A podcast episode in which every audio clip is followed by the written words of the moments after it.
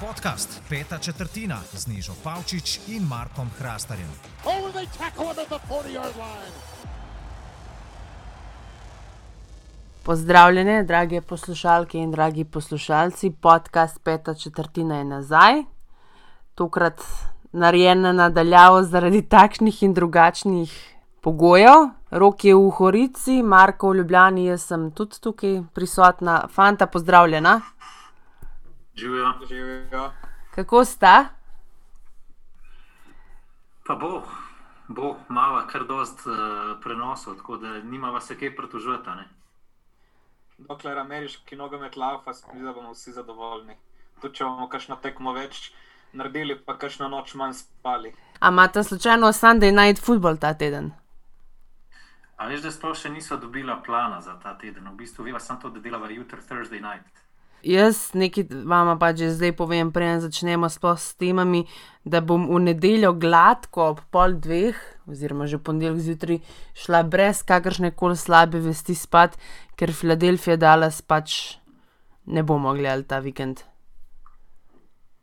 Ja, sej, Mogoče tekme sploh ne bo, glede na to, da odhajajo iz Dallasa igravci, ki po tekočem traku. Ne, bo ta franšiza sploh dokončala sezono, ne.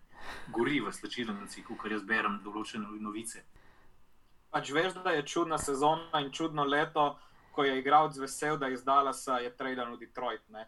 Mislim, da to dovolj pove o tem, kakšna sezona je v Dallasu trenutno.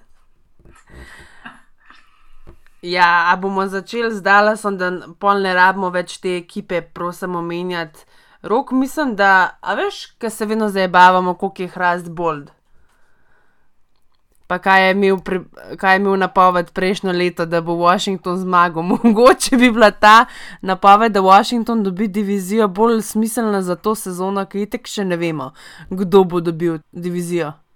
Ja, mislim, da bo tukaj med Filadelfijo in Washingtonom mrtvi tek do 17. tedna, no? ker Giantsi so enostavno preslabi, Dala se razpada. V bistvu bi bilo mogoče zelo fajn, da bi Mike McCarthy, oziroma da bi Jerry Jones priznal, da bi bil Mike McCarthy napaka in bi ga že kar zdaj odstavil. To bi bila verjetno ena izmed najbolj šokantnih odstavitev trenerja v zgodovini lige NFL. Ampak če zadeve ne funkcionirajo, en mora iti, ali gre igralci, ali gre pa trener. Zdaj, predala so se očitno odločili za igralce. In uh, jaz mislim, da je za Kavboje ta sezona že izgubljena. Ja, izvoli neža. Jaz se pa s tabo ne strinjam, da bi mogel Majka Makartija že odsloviti, ker po, koliko so tako zdaj odigrali, sedem, po sedmih tekmah, pa se ni vse Majk Makarti kriv. Kdo je dva tedna nazaj rekel, eno da dala, saj igralec, da, ga, da on misli, da ni igralca v lige NFL, ker pa vsak mu snepo ne da vseh 100% ali pa še več od sebe. Se Mike McCarthy ni kriv, če oni igrajo preko kurca. Ja, se dosti pove pač že to, da je ob naletu Johna Bostika na, na uh, Andyja Daltona pač se noben ni zauzel za svojega kotrbeka. To dosti pove v uh, navednicah kemiji, v stečilnici. Pač enostavno jim je dol padel, zdaj pa če ti v sedmem tednu dol pade, kaj boš? Ne vem, rok, tvoje mnenje. Mislim, meni je bil moj najboljši trenutek tega vikenda. Ne mogoče to, da smo dala zmagali, kar je sicer vedno dobrodošlo in bi v kakršni koli drugi sezoni, če bi bili konkurenčni, verjetno zdaj sijal, ampak bolj to, kako je bil Skip Bayless obupan nad predstavo, ki je rekel, da odkar od leta 1961 navija za Dallas, da ni videl še slabše predstave. In je mogoče to še meni bolj všečna ta njegova muka, pa njego, ta njegova upanost. Ne, ampak pač Dallas je bil že prej v škripcih, že kaj je bil dek, pol se je on poškodoval, je bilo, ajde, vse mogoče bojo divizijo še nekako zgubali. Imajo dovolj talenta, čeprav obramba je res zgodovinsko katastrofalna, ne da je samo slaba. Zdaj imajo pa Bena Dinučija. Tako da karkoli upanja, karkoli procentov šans se jim je še pripisovalo pred tem tednom, um, mislim, da, je, da je šlo. To je zdaj ne, da bo dobila divizijo najboljša ekipa, ampak najmanj slaba ekipa. Tako da zdaj bomo pa videli, kaj bo. Jaz, ma, jaz sem zdaj po tej poškodbi Daltona vseeno mnenje, da je mogoče da boš ti tisti, ki bo pravilno napovedal, se pravi, da bo Filadelfija dobila to, to divizijo. No? Ej, jaz sem tudi prejšnji teden popravila na Filadelfijo. A, ok, ok, pa sem bil jaz tudi, ki je danes dal šanse. Ja, uh, lej, ta divizija je ubi bože, ne? ta divizija je ena navadna črnovca te lige. Um, Ki ne mislim, da so na Aftermathu v ponedeljek na NFL Networku, mislim, da je Mike Silver rekel, da bi morali na narediti peticijo, da se NFC East divizijo črta letos iz Playoff Picturea in da se da prav vse štiri ekipe iz NFC West noter. ne bi bilo slabo, glede na to, da imajo vse ekipe pozitivno bilanco zmag in porazov. Če, če je NFC East najslabša, pol je NFC West, mogoče ne samo najboljša divizija v konferenci, ampak kar v celi ligi. ne. Imamo dejansko štiri ekipe, ki ne samo, da imajo tak skor, ampak tudi igrajo dobro. Dejansko pač in Seattle, in Arizona, in Rams, pač San Francisco trgajo gate. Um, jaz sem bil fasciniran, recimo v ponedeljek smo delali z rokom tekmo med L.A. Rams in Chicagom. In tako, kot sem do zdaj zagovarjal, pač Chicago, moram pa vsem priznati, da imajo Angleži zelo, zelo dober izraz za to, kar se je zgodilo. Uh, v bistvu Bersom, they were simply exposed. Ne. Tako pač Chicago se je videl, da v napadu ni nobenega firepowerja, obramba pač dela prav tiste zadeve, ki jih zama, verjetno je obramba res zelo top 10 v ligi. Ampak kaj ti pomaga tako dobra obramba, če ti napad ne nabere niti enega touchdowna? Ne? Še tisti touchdown, ki je bil, je bil že tako pač takrat narejen, ker je bila tekma praktično dubljena za Remse. Navdušen sem bil nad McVejem, navdušen sem nad tem, kako so utrujali tudi njihovo obrambo s tem, da so brez hadla takoj se postavili, pa jih začeli grist. Um, tako no, moram. Itak, da ne bom že zdaj pojedel svoje besede, pač pa rekel, da Chicago ne bo prišel v končnico, še zmeraj nekako mislim, da jim bo ratal, ampak uh, če je bil to pokazatelj, kako naj bi zadeve izgledale v playoffu, pač se vidi, da Chicago, tudi če pride v playoff, tam bo hitro naletel na nekoga, ki mu bo kos. Kdaj smo bili takrat, 30. september? Ker smo Ja, si zapisali na 30. koledar. September. Okay. Zapišimo. Štiri tedne. Štiri tedne predolg si to trdil. Marko zmajuje Jaz z glavo. Rekel, še zmeraj nekako mislim, da bodo prišli v končnico, ne, ampak um, tam pa ne vem, verjamem, da bodo zelo, zelo po hitrem postopku leteli ven. No. Je pa zelo odvisen tudi, če bojo. Ne, mislim, problem je v tem, ker Chicago Bears lahko tudi do 3. novembra, ki je konc uh, tega deadlina za trade, koga dodajo, ne, recimo na pozicijo wide receiverja, da bi dodali recimo enega res hudega igralca, ampak uh, še zmeraj je to, po mojem, premalo, no? ker oni niti enega tekača nimajo, razen Montgomeryja, ki bi nabral po več kot 100 jardov. Oni letos niso tekli za več kot 65 ali kaj, nekaj takega. Ne, ne, v zadnjih treh tekmah, v prvih, dokler so imeli še Tarika Kovna, so laufali tudi za 140. Plus. No, a, a je zdaj moj čas za me, pa za Chicago. Dej, da damo zdaj ta Dallas Chicago stran, ker jih skozi vsak teden omenjamo in da gremo pa bolj zabavnim stvarem. Go. Ne, ne, ne, ne, ne, čakaj, čakaj, čakaj, čakaj, čakaj, čakaj. To je zdaj uni trenutek, ki jaz rečem, sej se mi ni všeč hvaliti ali pa uno, ampak a sem rekel, da je Chicago impostor. In zakaj sem rekel, da je Chicago impostor? Ker sem vedel, da je Chicago impostor. Pač to, ko sva delala tekmo, se, je Marko obrnil k meni in je rekel, rok ti si imel prav. In sem bil samo tako, wow, that's a first. Tako da ne, pač obramba je to. Obramba vsaka čas, čeprav sem videl, pol na koncu se je ta Sean Gibson neki poškodoval. Ampak kaj ti pomaga tako dobra obramba, ker oni ne, vem, ne naredijo nič, enostavno ne naredijo nič v napadu. In še potem, ko si omenil wide receiverje, oni so s cap spaceom popolnoma zabarikadirani. Oni tudi, če bi hoteli vzeti kakšnega top wide receiverja, ima sigurno kakšno plačo, recimo, ne vem, karikiram, če bi. Michael Thomas.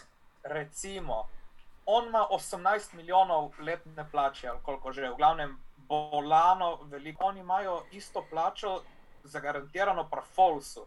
In ko imaš ti toliko v nekem nekompetentnem podajalcu, toliko vloženega denarja, pač ta stvar ne more iti skozi.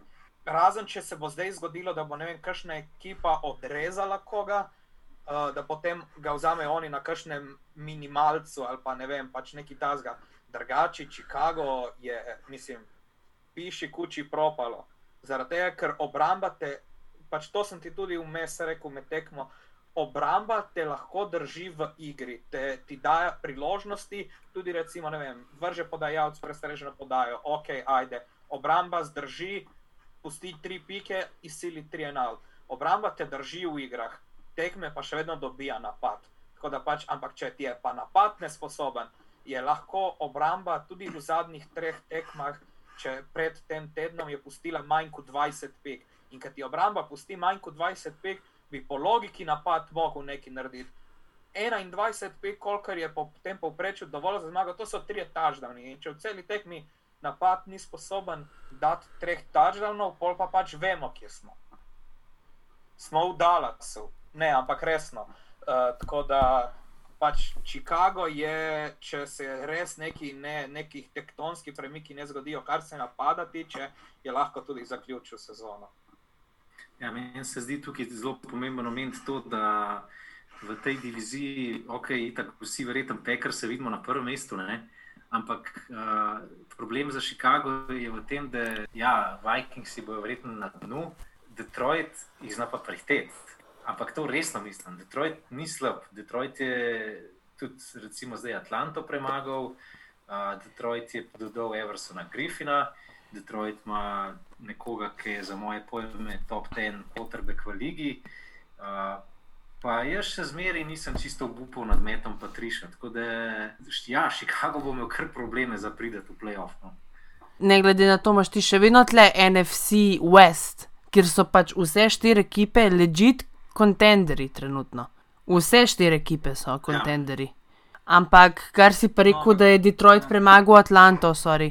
Čist samo zaradi bedarije Falconsov, mislim, bedarije. Ja. Zaradi tega, ker se Todd Gurley ni ustavil. Ja. Una slika je bila dobra. Kaj je naredil Todd Gurley? Uh, Todd Gurley je imel uh, v rokah ključe do zmage Atlante proti Detroitu, pa na mestu, da bi pokleknil tik pred končno cono, je stekel in dosegel touchdown, kar je pomenilo, da je imel potem na koncu Detroit zelo dost časa za, za to, da v tistem dodatnem drivu pride nazaj in zmaga. In dejansko se je pol to na koncu zgodilo. Da Mislim, da mu morajo vsaj kakšno bombonjero, če ne še kaj več kupiti v Detroitu, pa jo poslati. Todd Gurley je malo pozabil na pravila, no, verjetno. Jaz mislim, da ni pozabil na pravila, ampak dejansko mislim, da ga je nekdo hotel teklat, pa se je neki opotekel kot Daniel Jones prejšnji teden in je po nesreč padel v Endzone, ker se tudi vidi, da je v bistvu se še vedno nazaj povlekel, ker je videl, da je Endzone že pred njem. In tista slika, nekdo je napisal na Twitter, da jo mora dati v Momo, ker se vidi, a je Jimmy Collins dvignil roke gor. Do 58 pri Detroitu. Ne, ja, to je bilo, po mojem, tudi tako malo, ne vem, ga je, pa ne vem, ga je premagala neka sebičnost ali ne vem, neki, kaj zdaj, vem, da bi si napolnil statistiko. Ampak isto šanso je imel, recimo, ne vem, koliko, ne vem točno, kera sezona je bila, ampak isto šanso je imel Brian Westbrook proti Dallasu, se mi zdi. In Ba- Brian Westbrook se je takrat usedel na eno linijo in to je bilo to. Ne narediš tega, pa tu, mislim, ja, vse bi la, lahko rečemo, tle bi mogla obramba zdržati, ampak pač tega ne greš narediti. Enostavno tega ne greš narediti. Grli, vsi navijači Falconsov pač se lahko samo na grlija znašajo karkoli. Uh, jaz bi odprl eno naslednjo temo, ki mislim, da bo Nežo še posebej zanimala. A zdaj po sedmem tednu lahko rečem, da so vsi prstani in vsa dinastija New Englanda zasluga Toma Bradyja. Ali je to še prezgodaj, glede na to, da tam pa pač blesti New England, pa eh, niti ne toliko. No? A zdaj mene čakaš, da začnem. Mislim, oba sta bila pomembna, ampak še vedno imaš ti, pač coaching pride sam do ene stopnje. ne. Tudi, recimo, Bill Beliček je ne glede na to, kaj se dogaja zadnje tri tedne v New Englandu, on je še vedno zelo dober coach. Ampak ne more coach zmagati tekme, coach ne igra. oni so pa igrali res slabo, pa ne samo Kem, ampak vsi od prvega do zadnjega. In mislim, da je zelo lepo povedal Devin McCourty po koncu tekme, da to ni zdaj, bo, da bojo popravili. Da bojo popravili vtis, kako so igrali, ampak dejansko nekateri igrajo za varnost svojih služb. Tako da, da je vse bil Tom Brady, ni res, da je bil vse bil Beličik. Tudi vidimo, da ni res, da sta skupaj funkcionirala zelo dobro, to vemo. Je pa pač bilo več na Bradyju, ker on je te zadeve pokazal na igrišču, ne? bil jih pač trenutno, oziroma bil jih ni mogel in trenutno mu tudi ne gre, kot si je zamislil. Me pa recimo tukaj vidim po social mediji in vsi že joj, dajte not Jareda Stidema, on je full boljš in je gladko bil po tekmi v nedeljo povedal, da ni niti približno videl v njegovi tekmi toliko dobrih stvari, da bi zdaj kar postal Stidem prvi quarterback, pa tudi Kem, vem, da je rekel, da se zaveda, da je to, mislim, da ni, se mu ta bench v drugem polčasu ni zdel nič takega, ampak ve, da se mora vzeti v roke ker se je sam s sabo baje pogovoril in da je lahko to tudi ne samo začasno, ampak za dlje časa. Pač meni je bilo beto nedeljo, no, jaz sem bila slabe volje v nedeljo zvečer. Ani Jared Steven tako eno četrtino metov, ki jih je sproduciral v Ligi NFL, spre, uh, obrnil v interception. Tako. Ja, en... se to sem lihtel reči, da je podatek, kao, da je imel 20 pass attemptov v ligi, pa ima 4 interceptione ali nekaj takega povejo o tem, kako je Jared Steedem zamenjava za Toma Bradyja v New Englandu. Ampak ne vem, kaj so mislili prej, je Cam Newton prišel, da bojo kaj, Steedemo igrali. Steedemo igrali. Še vsem se mi zdi pač. To je fascinantno, kako smo pač eh, še ene tri, štiri, mislim, štiri tedne nazaj smo rejvali o tem, kako uh, je Cam Newton noro dober in kako, kako so si lahko ekipe, ki so nekako rable ponuditi oziroma zapolniti to pozicijo Kotrbeka, ga spustile iz rok. Zdaj pa ne vem, kaj se dogaja s Kemom Newtonom. No, po COVID-u zelo, zelo, zelo slabo vse skupaj izgleda in tudi New Englandu se počasi izmika končnica. Ne. Neža, izvoli. Jaz mislim, da ni zaradi korone to neč, pač razlog, da on slabo igra, ampak Kem Newton je igral super, oni so bili proti Seattlu en jard od zmage oddaljeni. Zdaj, kaj pa z njim na robe? Ja, prste kazati samo na Kema se tudi meni zdi, da ni najboljši, čeprav res, ko je igral v nedeljo, je bil grozen, um, rama prav, da ga ne boli, ampak njegov footwork so več ali manj analisti oziroma tili. Ja, analisti iz NFL Networka, pa iz teh mrež televizijskih so fajn spluvali, da footwork niti približno ne zgleda dober. In je tudi to, da v bistvu Cam Newton spet nima nekih fajn orožij v napadu, kar smo govorili že prejšnji teden. Julian Edelman ima v šestih tekmah 11 ujetih žog, od tega jih je imel 8 ujetih na tekmi proti Seattlu, torej na preostalih ima samo 3 ujete žoge en touchdown je letos dosegel wide receiver in še to je bilo, ker je Jared Stidham najdel Ankila Harryja proti Kansas Cityju. Ankil Harry je trenutno v concussion protokol, tako da spoh ne vemo, če bo igral. Julian Edelman je zgubljen, praktično edina, vse žoge, ki grejo na njega, so deflected in potem interception. Damien Bird je edin, v bistvu od njega je zdaj največ bilo videnega in je meni to zelo čuden, ker je on bil planiran kot biti za četrti wide receiver.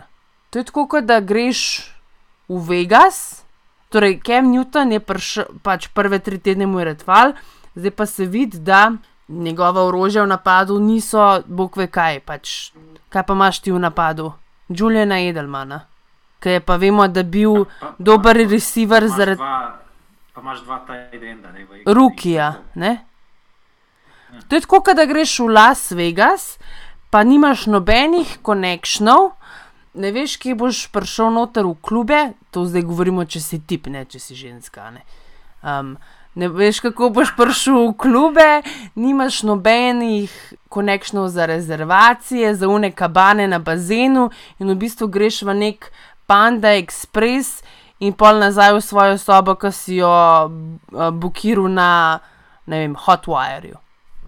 Recimo, to je isto, kot je pač Cam Newton zdaj v New Englandu s podpovprečnimi wide receiverji oziroma z receiverji, ki igrajo podpovprečno.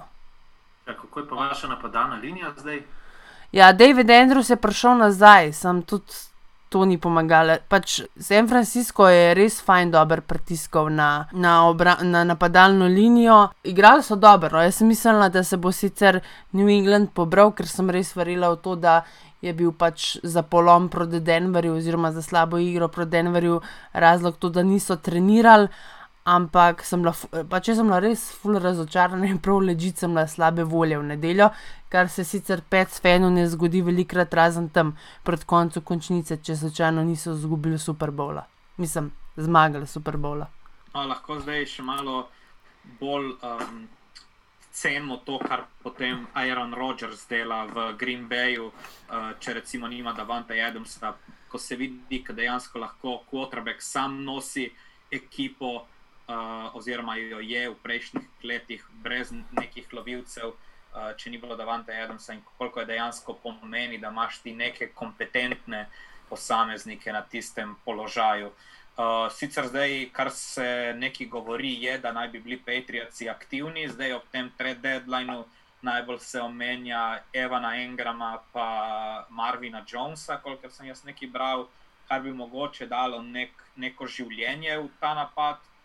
Tako da, mislim, meni bi bilo zanimivo, predvsem zaradi tega, ker se mi zdi, da je Evan Engram en tak posameznik, ki je zelo talentiran, ampak je tak netipičen tight end za New England. To je pač tight end, ki blokersko pač je, je isto, kot če gre, ne vem, kdorkoli od nas treh blokirati, ampak je pač tak, tako orožje, um, pač mismeče, tak. Mm, ne vem, s katerim igralcem bi ga primerjal, ampak res atletsko zelo sposoben, kot lovilc, ja, kot bloker pa ne. Tako da bi bilo zanimivo, kako bi ga uh, McDaniels ukomponiral noter. Se mi pa zdi, da me res me zanima, kaj so pred sezono mislili, uh, tako kot sta že omenila.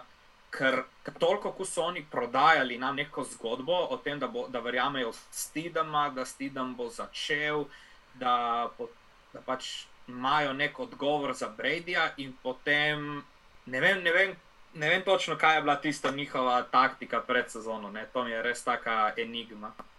Ja, jaz mislim, da je um, pri diviziji AFC uh, Sever pač.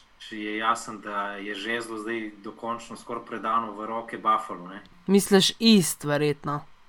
Ja, AFC ist, no, AFC ist. FC divizija, mislim, da je v rokah uh, Buffalo, vsaj v naslednjih nekaj sezonah. Zdaj, odvisen, kako bojo postavili okoli Joša Elena, ampak zaenkrat zelo dobro zgleda in vsaj v letošnji sezoni jaz težko vidim, da kdorkoli pač prevzame to, ta primat. Uh, Medtem ko New Englandu očitno v letošnji sezoni ostaja boj za drugo mesto z Miami, kjer je prišlo pa pač do te spremembe, da bo tu Tagovajlo zdaj začenjal.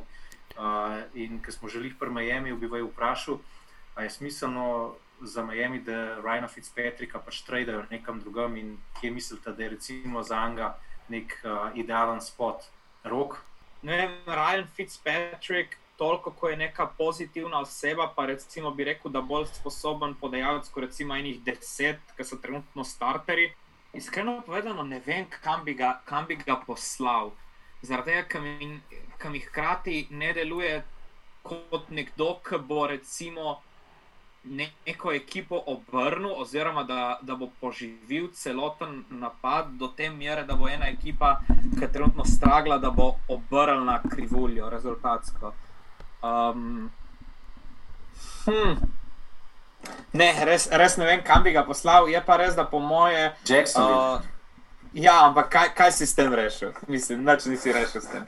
Tako da ne, je pa sigurno res, da med backupa, kot je Fitzpatrick, bi po mojem vsaka ekipa podpisala to, da ga ima. To je en tak tip posameznika, kot recimo Case Keenum, ki ga bi imela po mojem ekipa vsaka, pač da imaš tazga. Podajalca, ki veš, da je že bil v Ligi NFL, je dosegel nekaj, je pokazal, da je sposoben, pač veš, da je z razlogom rezervni podajalec, ampak pač tudi veš, da lahko na svoj dan premaga katero koli ekipo lige. Tako da ne vem točno, mogoče. Če ne bi bilo kinoma, bi rekel Cleveland, zaradi tega, ker je Baker malo načet, pa tudi ni vedno najboljši, sploh v zadnjih tednih, razen z izjemo tega prejšnjega vikenda, no minulega. Kaj jaz vem? Los Angeles, Rams, mogoče kot neka, kot neka alternativa, konc koncev, ne, San Francisco, nekaj je Malens, kolikor toliko sposoben. Tako da, ja, mogoče, mogoče Los Angeles, če že kot nek backup variant, ampak dvomim. No. Neža, zdaj sem se spomnil še to, kar smo prej govorili o New Englandu. A so to res samo govorice, ali je res, da je Res. Stefan Gilmore začel prodajati hišo v, v okolici Bostona? Ja, res je, da je začel prodajati uh, bajto. In glede na to, da je lani tak čas Tom Brady dal svojo bajto na, na prodaju, to vemo, kaj pomeni. Tako da je že panika med tem, že kaj bojo peci brez njega in ne vem kaj vse. Se tudi on letos nima neke sezone, tako da je v bistvu v flowu s temi peci. Pa tudi mislim, da recimo sta dva cornerbacka letos bolj odigrala kot on. Tako da ne bo me presenetil, če bo šel, ne bo me pa presenetil, če bi ostal. No. Se mi zdi, da pač peci Zdaj- res rabijo nekaj v napadu. Tako da, kot je rok že prej rekel, pač bodo verjetno aktivni na trgu do 3. novembra. Zdaj, ki smo jih pri eh, trade deadlineu, ne, oziroma počasi se bliža, ne, lahko kakšno rečemo še o teh prestopih. Danes se je zgodila bomba v, v Cincinnatiju. Rekli so zjutraj Karlosu Dunlopu, defensive endu, da ne potrebuje prihajati na trening, in čez dan so ga potem v bistvu tradali v Seattle Seahawkse. Uh, prestop se je zgodil tudi na relaciji Everson-Griffin v. Uh, v Detroit, to si že med vrsticami rok na začetku podcasta omenil. Jaz lahko povem, ker spremljam pač malo bolj podrobno Cleveland, da se govori o Harrisu, da naj bi iz, kot safety prišel iz Vikingov v Cleveland, pa govorili se je tudi o Adamu Tilnu. Ne. Uh, pač praktično vsi igravci, ki neki veljajo v ekipi Minnesote, jih kar vsi pač povezujejo zdaj s Clevelandom zaradi eh, Stefanskija. Da To je to, kar vem, glede govoric. No. Mogoče še vedno o, o kakšnem natolcevanju ali pa rumors. Adam Tilden je na trade bloku že nekaj časa, ker so ga tudi omenjali, da bi bil mogoče dobra rešitev za pece. Tako da to, da, Adam, da ne bi Adam Tilden šel ni nič novega, je pa vprašanje kam. Pa tudi ve se, da se že nekaj časa Adam Tilden pa Krk Kazins ne razumeta najboljš. Tako da za me ne bi bilo to nobena, nobeno presenečenje. Um, Stefan Gilmore je še tak, da bi se ga dal, mislim, kot sem rekla, drugače pa peci bolj iščejo, da bi dobili igralce, ne da bi jih dal. Rok? No, pa še za enega igralca sem slišal, uh, da naj bi se ga povezali s Clevelandom in sicer uh, linebacker od Atlante, uh, Dejon Jones. Ne bi bil tudi v igri, da naj pride k Brownsom, ampak uh, mislim, ta zadeva je tako. Ne. Zdaj, ok, Cleveland je malo boljši v letošnji sezoni in je mogoče mačkan bolj verjetno, da zima te igralce, ampak dokler ne vidim tvita od Šeftija ali pa Repoporta, pač ne bom verjel čist nič. No. Rok, mogoče še ti kaj na to temo. Pač to je, to je zdaj prav tako. Um, ko vsak nov igralec, ki podpiše za Cleveland, toliko sposoben, si samo, ok, zdaj pa res nimaste, nimaste več izgovorov, da ne bi neki dosegli. In potem pride eh, in po, po Lenžiju, in potem pride Beckham, in potem pride Kezem, Delpit, ki se ajde poškodoval, potem pride Conklin, potem pride Wills in si samo tako, to se samo nalaga in nalaga, in potem kaj, zdaj bo prišel še Harrison Smith in še Dion Jones in si samo tako, pa dobro, zdaj, mislim, to je pa zdaj, kot da bi ti sestavljal All-Star ekipo, ne pač ekipo ameriškega nogometa. Ne, je ne, že- ne, ne Harrison Smith, na robe si mi slišal. Nisem rekel Harrison Smith, jaz sem rekel Anthony Harris. No, ok, pa Anthony Harris. Mislim, No, če sem dejansko kombinira- Cleveland na safetyju zelo, zelo tanek. Ne, ne bi No, bilo čisto nič narobe. no, Če koga ramo od teh naštetih, bi mogoče še najbolj prav prišla Lee Gilmore pa, pa Harris. a ne. Ja, Marko si že mane roke. Hej, hej, samo počas, počas. A sta šla mogoče vedno pogledat, katere ekipe imajo največ cap space? No, No, sej ti pravim, sej ti pravim, ampak to je pač ti sestavljal, kot da bi se ti igral Madden, pa bi imel ti All-Star ekipo in bi bil samo tako logo od Cleveland Browns. hej, rok, veš kaj ti bom povedal? Enkrat so pred enimi sedmimi leti policaji, ki je še igral za Manchester City, City Balotelja, ustavili na cesti in, in so rekli, gospod, lahko odprete okno. Je odprl okno. In pol so rekli, gospod, zakaj imate pa cel kup denarja na sovznikovem sedežu? Veš kaj je rekel? Eh, Zato, ker lahko. Ja, Ne, zato, ker lahko. Tako lahko tudi Cleveland te reče. Zakaj bi podpisali? Zato, ker lahko.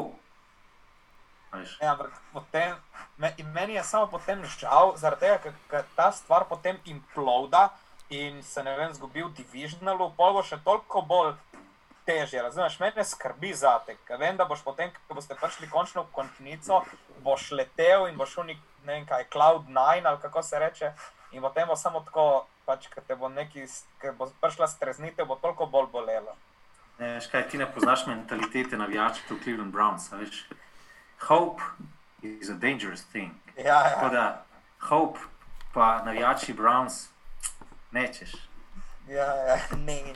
A veš, klej, Cleveland Browns so 5-2, ne? pa jaz še zmeri ne verjamem v končnico. Naslednji teden je Oakland doma. Ne Veš no. kaj, mi smo bližje končnice kot vi, ne? tako da jaz bi lahko bil bolj optimističen. Ja, res je. Washington je dejansko bližji končnici, kot pa Cleveland. Ker smo pa želeli pa AFC North, a ne? zdaj pa res AFC North, Baltimore, Pittsburgh, tekma tedna. No, mislim, da zdaj pa se vsi strinjamo, da je to tekma tedna. Ja, definitivno. Niža? Ja, se ja. Mhm, Okay. Mislim, lahko se tudi če mačka nazaj obrnemo, pa obdelamo tekme, ki so bile prejšnji teden, ne? Z besedo na dan. Pittsburgh, Tennessee, pa Arizona, Seattle. Ja, Mislim, okay. da moramo. Jaz, jaz bi kar eh, povedal, glede Arizona Seattle, da sem roko pred začetkom tekme rekel, da bo Arizona zmagala. Pol me je pa že med tekmo hecal, kdo bo zmagal, kdo bo zmagal. No, in prvo vodstvo na tekmi, ki se je zgodilo za Arizono, je bilo na koncu, tisti field goal od uh, Zena Gonzalesa. Tako da zdaj sam še Pittsburgh, tista ekipa, ki je neporažena. Seattle pa pač. V bistvu Seattle v napadu sta sam Wilson pa Lockett bila, ne? vsaj na tej tekmi. Ne rečem, da je vedno tako, ampak Metcalfa, ja, Metcalf je bil v bistvu boljši obrambni igralec. Ja. Dosegel je hitrosti vsej na Bolta. Ste slišali, kaj je Buda Baker rekel, pa je rekel, how the fuck did he catch me? Noro, noro, kako je ta tip hiter. Meni so samo NFL, je prav tak nek, nek poseben kozmos, ko se nekaj tazga zgodi, bi recimo v nogometu, navadnem pač evropskem, bi, kaj zdaj, bi potem še en mesec predvajali samo highlight tega. Iz NFL-a izbruhne 6000 različnih mimov in čeprav poznaš ta template, je vsaka nova fora te nasmeje. Vsaka, pač, kaj vidiš, od tega, da ne vem, kaj jaz vem, kako, kako je Metkev kao oseba, ki lovi svojega psa, ki je, vem, pojedel čokolado, od tega, da je Metkev obrnjen proč, pa je Buda Baker, ka, um, playoffs, pa Metkev uh, Cowboys, da laufa kao proč in tako. Tako da mislim, res je prav, prav, vem, prav tak užitek mi je spremljati, ker ne samo to, da je šlo za verjetno eno izmed najboljših posameznih akcij v letošnji sezoni, pač z vidika enega posameznika, ampak kaj vse to potegne še zraven, mislim, dol pade. Tako da, tudi če je bila to najdaljša tekma, mislim, da so jo delali koliko 4 ure, Štiri ure. 15. Ja, 4 ure, eh, dobre 4 ure so Ja, delali. da. Začela se je 15 čez 1, končala se je pa okoli pol petih. Ne, no, mislim, pol šestih. Ja. Ja, pol šestih se je da- končala. Um, za tak nogomet ni problema bedeti, za tak pro, nogomet. Mislim, res, to je bila tekma leta, brez, brez vprašanja. Tako da- Jaz sem se najbolj neumen počutil, ker je Metcalf ujel žogo, pa stekel končno cono, jaz se derem, ker perfuknen, konc, konc tekme. Ja, gremo pol- domov. Ne, pa ne zaradi tega, da gremo domov, ampak pač taka eksplozivna akcija in pol v tistem una zastavca. No, sem rekel, ne, ne vem, neža, kako si pa ti to tekmo videla. Ja, meni je bilo, mislim, jaz sem jo gledala pol um, zjutraj. Tako no, top tekma kot prvo. Vesela sem, da je končno moj Isaiah Simons prestregel tisto podajo. A si se spomnil na me, Marko, ko je prestregel? Sam tako kima, kao jaja. Meni se zdi, da se, mislim, ne da se mi zdi, ampak vem, da se Seattle full nerealno vadi na Rasla Wilsona.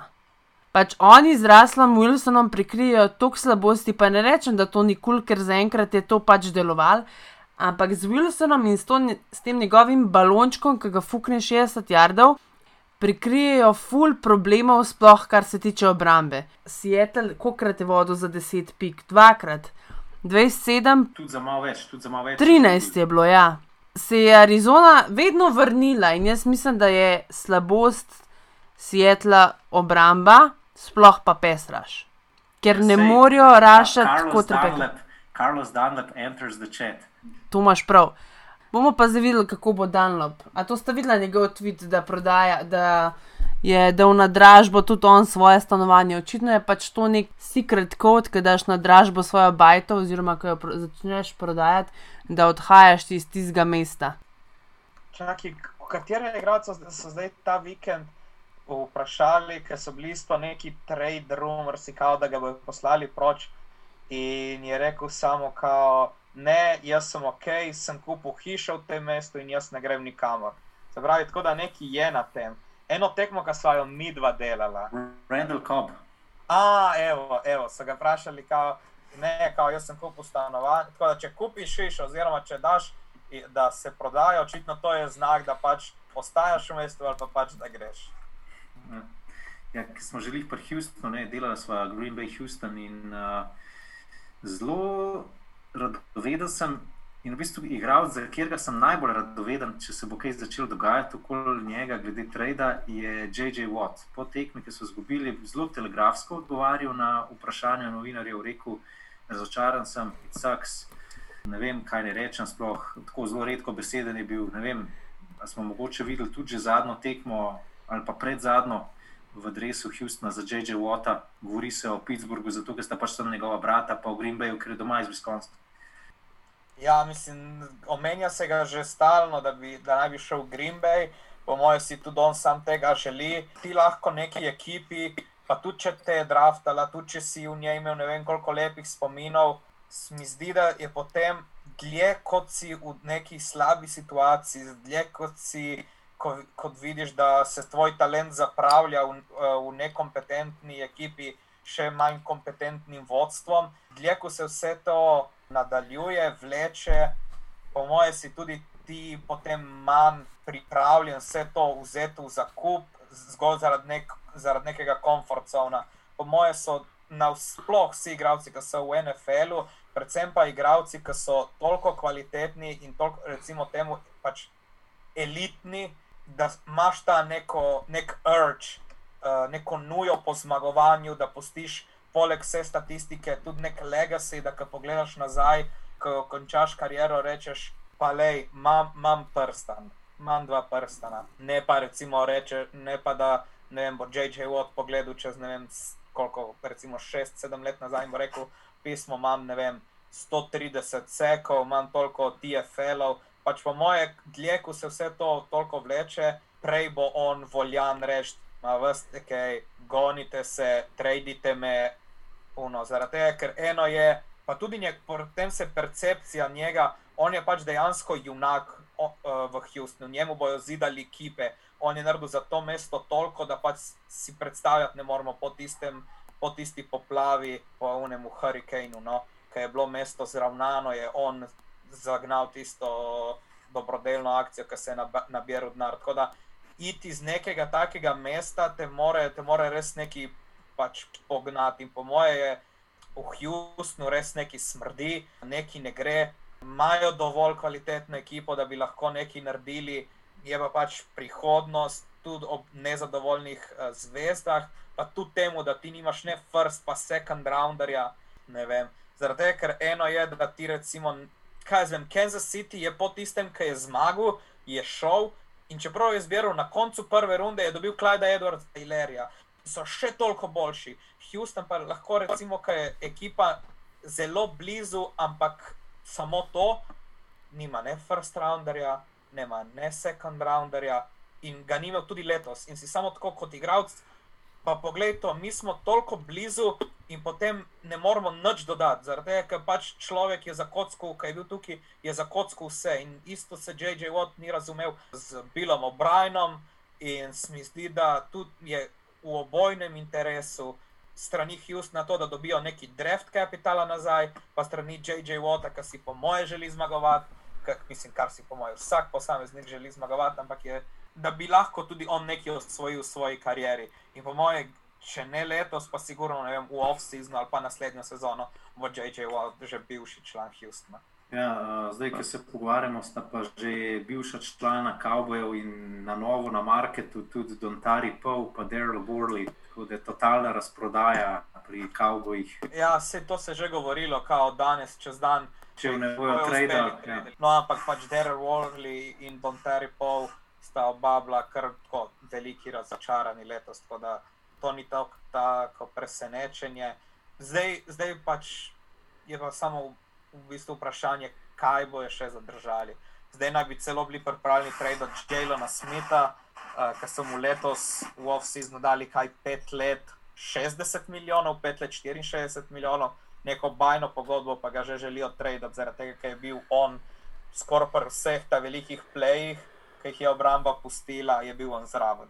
Ok, še tekma Pittsburgh, Tennessee. Uh, Pittsburgh je celo tekmo vodil, Claypool ni naredil nič, za razliko od prejšnjih tekem. Uh, Big Ben je blestev, oziroma zablestev z eno podajo na Horuk, potem pa na koncu so pa Tennessee Titans nekako prišli izraven, ampak zaradi zgrešenega field goala, gostkavskega, niso izsilili podaljška. Neža, mogoče ti hiter recap te tekme, kako si jo ti videla? Mislim, da je že izgubljen, mislim, že izgubljen. Če ti vodiš ob polčasu 24-7, eh, pa pa v drugem polčasu spacaš skupaj sam tri pike, imaš malo problema, kar se mene tiče. Ful, ful, ful, rok se bo verjetno tle strinjal z mano, je meni všeč TJ Watt. A se ne bo strinjal z mano? Ja, mislim, to je tako pač, kot da bi recimo rekel.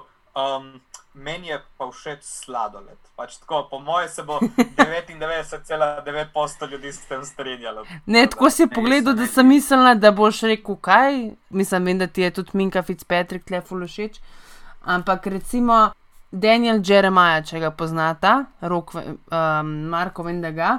Ma fulen ta kluškan, ma fulen ta kluškan segment in je točno pokazal, kako, TJ, kako je TJ Watt dobro ustavil Derika Hendrija v nedeljo v prvem polčasu. V drugem polčasu je bila mal drugačna zgodba, ampak očitno, Marko, prejšnji teden smo se pogovarjali, kako Derika Hendrija ustaviti in to je tvoj odgovor, da imaš tazga hitrega igralca v obrambi, kot je recimo TJ Watt. Ja. Točno to, pač ne samo DJ Watt, tudi Tweet, pa tudi Minka Fitzpatrick, pa še marsikdo, pač cela obramba, zdaj manjko Bush. Ampak uh, Derika Henrija se ne da ustaviti, da se ga pa omejiti. In tukaj so ga pač Pittsburgh Steelers dobro omejili in zmagali tudi tekmo. Tako da čisto zasluženo so letos Six and Dow. Uh, in mogoče se bo to malo čudno slišalo, ampak kljub temu, da so stavnice postavile Baltimore za favorita, bi jaz rekel, da pa za moje pojme je pa ipak Pittsburgh favorit v tem klešu AFC Sever divizije. No. Ne vem, koga bi tle dala bolj kot favorita. Zdaj, Des Bryant je postal nov član Baltimore Ravensov, sicer še ne bo igral. Dobili so tudi za Janika Angakoja, ne? Baltimore Ravensi. Ja, pa bo Janik Angako že lahko igral. Mislim, da ne, zaradi tega, ker morata počakati pet dni, da se da pridejo rezultati od testov za korono pet dni. Se mi zdi, no, nekaj, da je taka fura. Sej smo pa že rekli prejšnji teden, da Baltimore mora začeti igrati bolj na lovilce, zdaj Steelers imajo dober sekundar, imajo dobro pač to celo obrambo. Uh, je pa malo drugače pol zapirati te gepe proti Lamarju, ker je on veliko veliko bolj drugačen igralec kot Henry, pa veliko bolj hiter. No, bom rekla, da bo Baltimore, no, kam je Pittsburgh, Pittsburgh mi gre na živce, ne Baltimore zmaga jaz sem isto še vedno mnenja, da je Baltimore prvi, da potem je pa še vedno Pittsburgh, po mojem, pred Clevelandom. No. se mi zdi, da bo imel pa vseeno Cleveland uh, lažje delo, oziroma lažjo pot, večje verjetnosti, da pride v playoff v konferenci AFC, kot kakršna koli druga ekipa v NFC konferenci, ker recimo tako na robu, da pride noter ja ali pa ne, lih zaradi pač NFC West, ki bojo pač pobrali vse, kar se pobrati dano. Jaz še vedno, recimo, če je na konferenci NFC Zahod, je, oh, mislim, konferenci NFC je divizija NFC Zahod tista, ki bo imela tri predstavnike. Ne vidim, zakaj ne bi bil v AFC, to bil AFC North. Recimo. Jaz še vedno potihem računam na to, da bo sta dva iz AFC East, pa da ne bo Miami. Kaj da bo New York toliko obrnil? Ma fuck off. In pa ima čist resno falco. Jaz sam poslušam. A veste kaj? Kako hitro se ti tale NFL obrne? Po tretjem tednu smo že, uf, dajte kemu podaljšanje še za naslednjo sezono, zdaj pa, oh, fuck, stidema hočejo, posedite kema. Pač NFL live comes at you fast. To je pač ista zadeva, kot sem prejšnji teden govoril, pa se ta teden še bolj pokazal. Ne. V prvi četrtini malo spremljaš Twitter od uh, navijačev Brownsov, pa uh, tega Bakerja Mayfielda, vsi prebijajo na križ pa majster 15 od 15, pa je edini, edina nezaključena podaja tisti spike, zato da je ustavil uro, da je potem lahko podal Donovanu, Peoples Jonesu za touchdown in zmago. Ne, pač ne samo med tednom ali pa med par tedni, to se lahko med, med samo tekmo določene zadeve tako hitro obrnejo. Jaz, kot zagovornik Bakerja Mayfielda, sem bil zelo vesel, da se je to naredil čeprav vidim, pa, da ga eni ne morejo nekako in da ne ga ne vidijo kot franchise quarterback. Ampak to sem že zanč roko razlagal. Jaz imam veliko krajš tazga quarterbacka, ki mogoče. Igravsko gledano ni lih eliten, ker pač priznavam, da Baker Mayfield, Mayfield ni eliten quarterback, ampak ima pa srce, ima garaško dušo, res vse bi naredil za zmago. Dober soigravci, vse ti pove v faco, z vsemi soigravci ima fantastičen odnos raje imam tazga igralca, ki je kotrbek, da ima dušo, da, je človek z dušo, kot pa da bi bil eliten igralec, pa da bi bil, da bi bil ne vem, ala Joe Fleko, nikakav ali pa ne vem. Jay Cutler style. No, tako, Jay Cutler je bil recimo tudi pri Chicagu, uh, franchise quarterback, pa je bil tako totalen flegmatik, slash melanholik. No. Tak je pri vetru.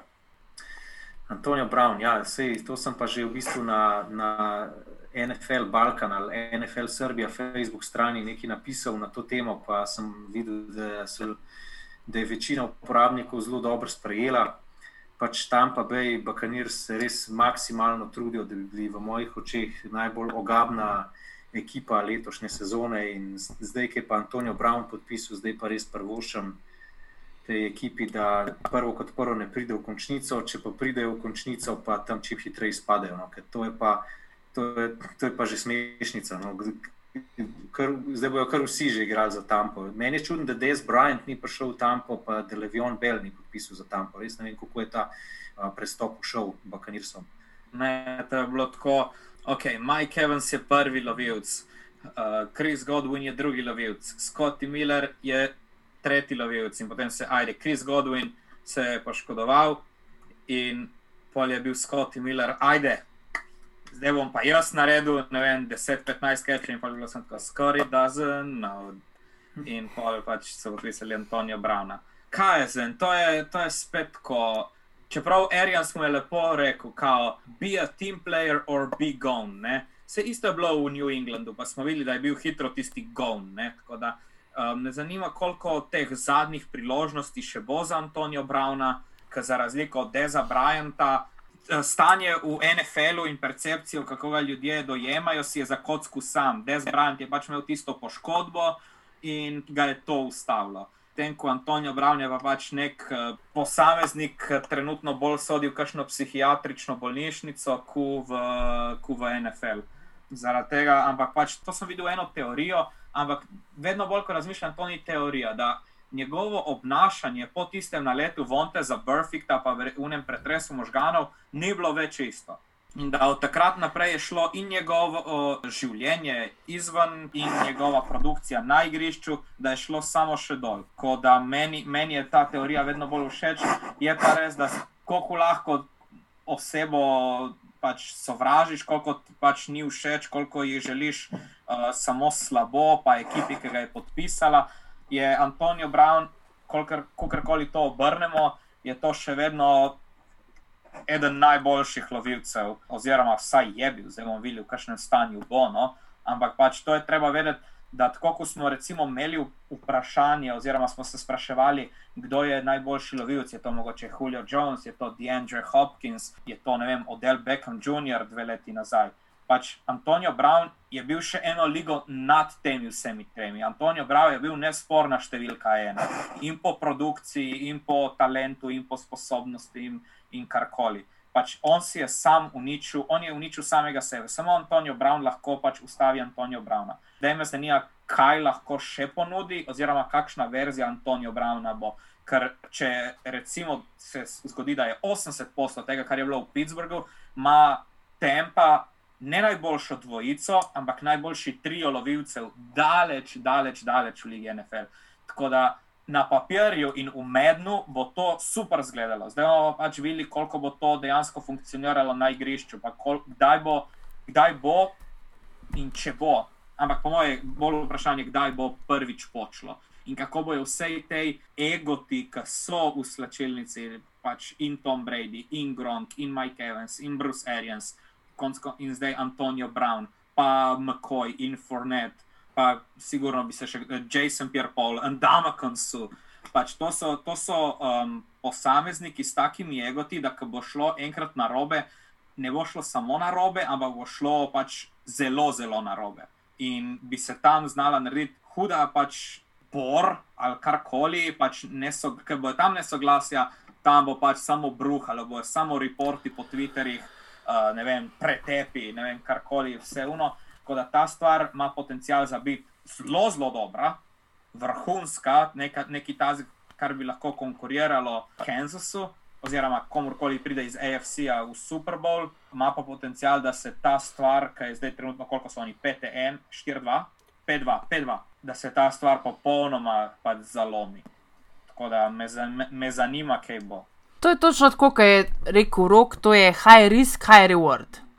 A veste, kaj je rekel uh, Cam Jordan, ki so ga vprašali, da se bo verjeten pomeril, da se bojo pač senci pomerali proti Tampi v Week 9 in da bo Antonijo Brown in so ga vprašali, kaj si misli o tem. In je pač Cam Jordan rekel, well, he has to get to Week 9. Izmed vseh let, ko ti lahko pripeleš Antonija Browna v svojo ekipo, je to leto, ko se morajo igralci res, res držati pravil. Pripeleš ga letos, ker so kršitve ali pa nespoštovanje teh pravil res sankcionirano in se lahko ful veliko pozna na ekipi, koliko jo prizadaneš. Recimo Kem Newton je tak primer.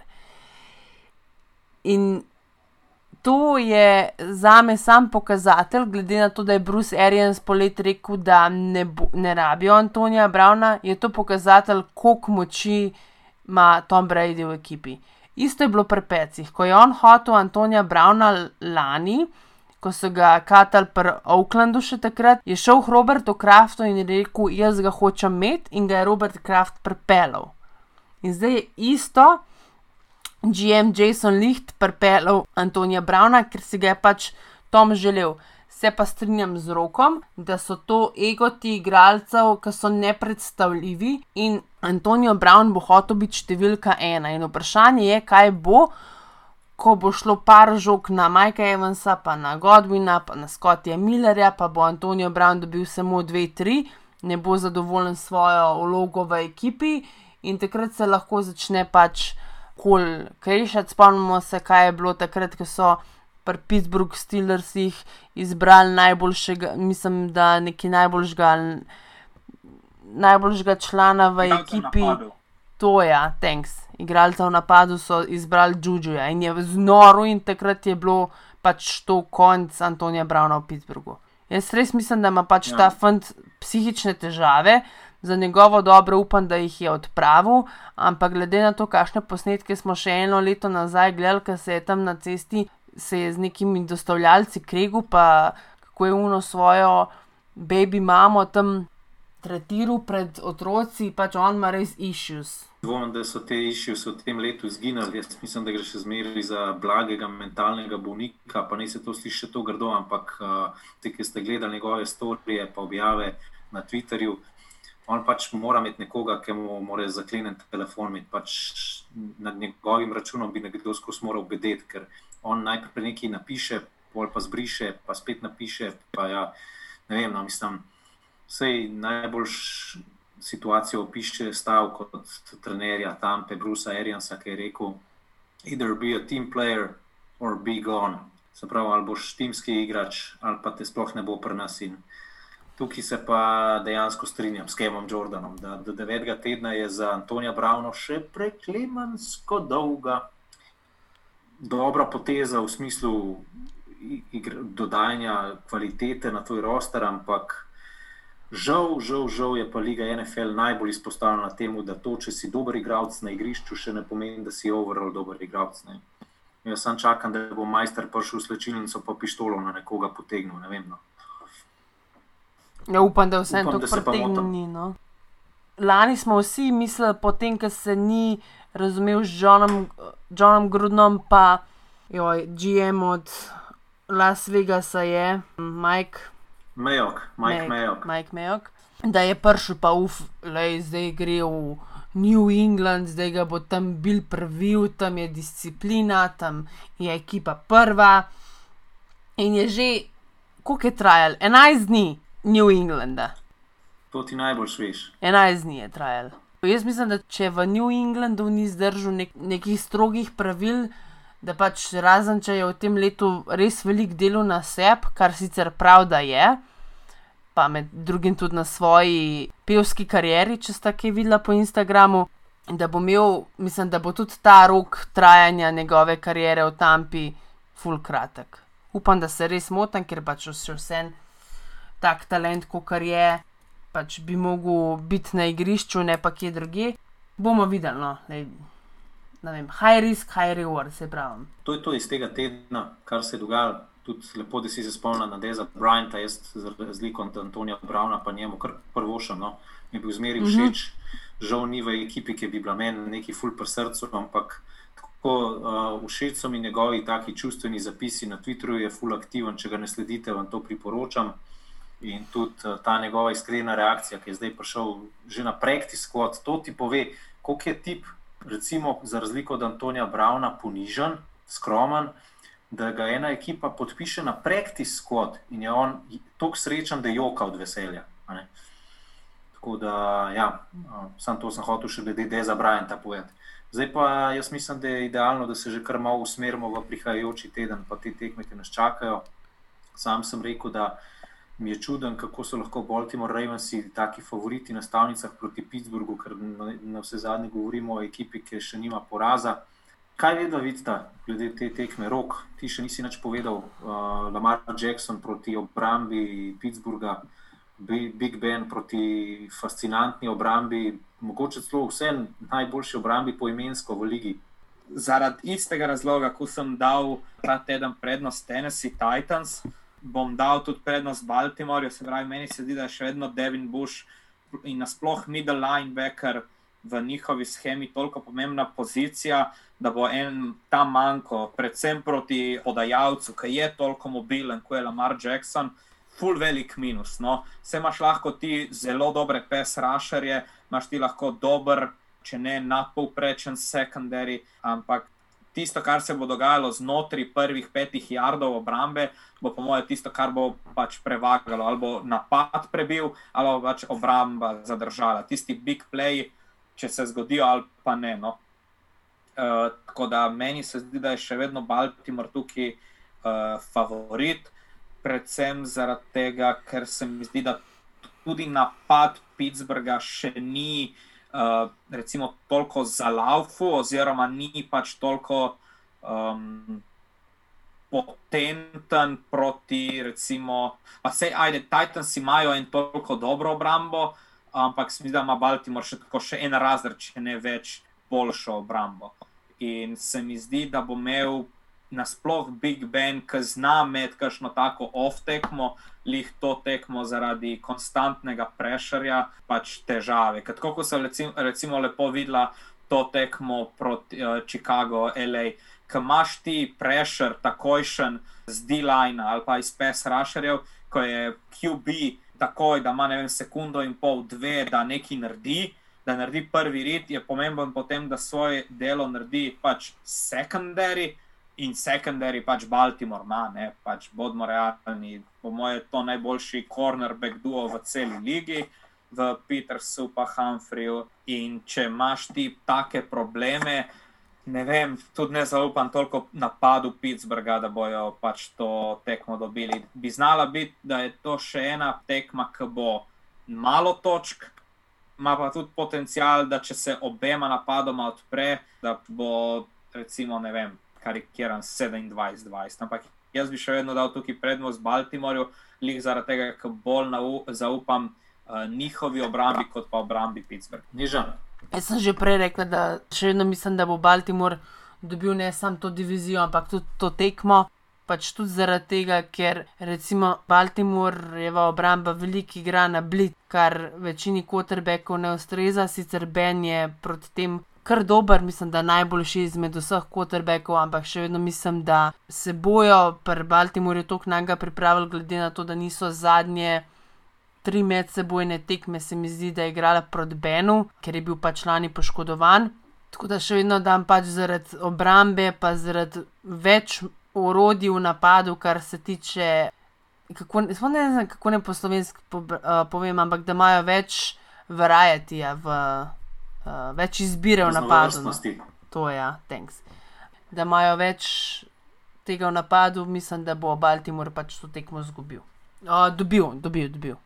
Ja, pri Baltimoreju je treba povedati, da imajo res izjemno obrambo in da so fanti iz vseh pozicij, mislim, da že nabrali od sekov do teklov, imajo ogromno, ne samo pač ti igravci, ki so linebackeri, pa uh, PS Rusherji, ampak tudi.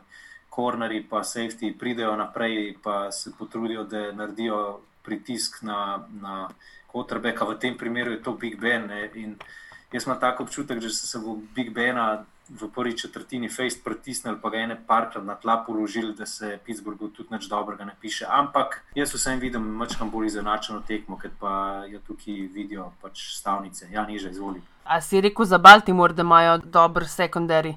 Ja. No, recimo, dober sekundari, medtem ko ima Pittsburgh večinoma lovilce zelo mlade, Deontay Johnson, Chase Claypool, so še neizkušeni lovilci. Tako da tudi tukaj mislim, da ima Baltimore full prednosti, kar se tega tiče. Kako se bojo znašli, recimo na Tokmen Coverage, ki ga Baltimore igra. Še ena tekma, ki bi jo izpostavil, pa ne bo tukaj kakovostna oziroma izenačena v prihodnem tednu ampak bi jo izpostavil samo zaradi tega, ker uh, bo verjetno v letošnji sezoni postavila rekord, kakšen handicap je na eno ekipo. Sicer Kansas City Chiefs proti New York Jets, ne, handicap je okoli 20. V zadnjih par sezonah uh, je bil ta handicap nekako pre, presežen, mislim, ni bil presežen. Tista ekipa, ki je bila underdog, je ta handicap pokrila. Ampak tukaj pa nekako se mi ne zdi, da Jets pa vsem jim ne bo ratelj zadržati, če vse pod to, da bi šli na kot 20 razlike. No. Vajno mnenje. Mislim, Marko, a se spomniš še dva tedna nazaj, ko so igrali Cincinnati pa Baltimore Ravens, pa so se ti režala, ki si nama poslal svoj listek iz stavnice, da si dal, da bojo pokrili. Cincinnati Bengals, da bojo pokrili spred 21,5, pa so izgubili 28,0. Ja, tukaj, če bi Kansas resno igral vse štiri četrtine, pa mislim, da ne bo, ker v zadnji četrtini pričakujem čeda Henija, ne? ampak mislim, da če bi pa vse resno igrali, pa ne glede na to, da recimo Jetsi na prejšnji tekmi bil so niso popustili niti enega touchdowna in so si spet pač prebrca zmagali, kot jaz rečem, prek Besa je pa Kansas trenutno res toliko boljši in gledamo pač na papirju najboljšo ekipo proti najslabši v ligi in vse drugo, kot manj kot 20 pik, bo kar malo presenečenje. Rok, Jaz se tle recimo veselim Levion Bell Revenge Gang. Ker če sta videla v New Yorku, je imel Levion Bell uh, samo en carry daljši od 16 jardov, oziroma 16 jardov ali več. V Kansas City je bil to njegov prvi. Tako da pač ni to, da Levion Bell bi bil washed up, pa ne bi imel nič več, da ne bi bil več sposoben, da ne bi imel nič več in the tank. Ampak je to samo zaradi tega, ker po mojem je bil nemotiviran, je videl, kakšnem, kakšni greznici od ekipe igra. Meni se zdi, da potem, ko bojo Mahomesa evidentno v vem, sredini tretje četrtine potegnili, da bojo samo razdeljevali delo med Ilerijem in Belom in bi znal Bel spet pač nabrati jarde, pa nabrati statistiko in samo na koncu s kakšnim lepim tweetom poskrbeti, da se nedelja še polepša. No, tako da tle je potencial, da se zgodi ena redko, redka stvar in to, da se ta velik uh, handicap pokrije. Ja. Ok, gremo dalje. Eno vprašanje imam za vaju. Seattle zmaga tekmo proti San Franciscu normalno ali se bo tekma spet odločila v zadnji akciji? Pismo meni se zdi, da se bo že prej odločilo. No. Mislim, da se je to čisto vsako tekmo, pa ne bo šel na to, da bojo v zadnjem drivu rešvali. Jaz močno verjamem v bounce back faktor. Pač nekateri ljudje ne verjamejo v besedo momentum, nekateri ljudje ne verjamejo v ta bounce back faktor, ampak ta dejavnik se mi zdi še posebej pri teh igravcih, ki so res elitni. Govorimo o Bradyju, Rogersu, pa na vse zadnje tudi Ruslu Wilsonu zelo pomembna zadeva. In jaz mislim, da bo Seattle tukaj odločil tekmo močkam prej, kot v zadnjih par minutah. No. Ja, meni se tudi zdi, da bo to mogoče še po prvem polčasu, da bo dokaj izenačeno, pa pač, ki se bo odločalo. Bo prišla do izraza neka individualna kvaliteta. Čeprav bodimo realni, meni so L.A. Remsi dosti bolj všečni, pa do, se mi zdijo overall boljša ekipa kot 49ersi. Pa je še ena naredil plen, ki je izlo, popolnoma izločil iz tekme Aerona Donalda. S tem, da ni dosti ekip, pa ni dosti koordinatorjev, pa head coachov sposobnih Aerona Donalda izločiti. Ampak ne samo, da ga, da ga je izločil, pač da ni, da ni dosegel vsega. On ni imel nobenega prešerja, nobenega QB-harja, nobenega QB-hita proti 49ersom.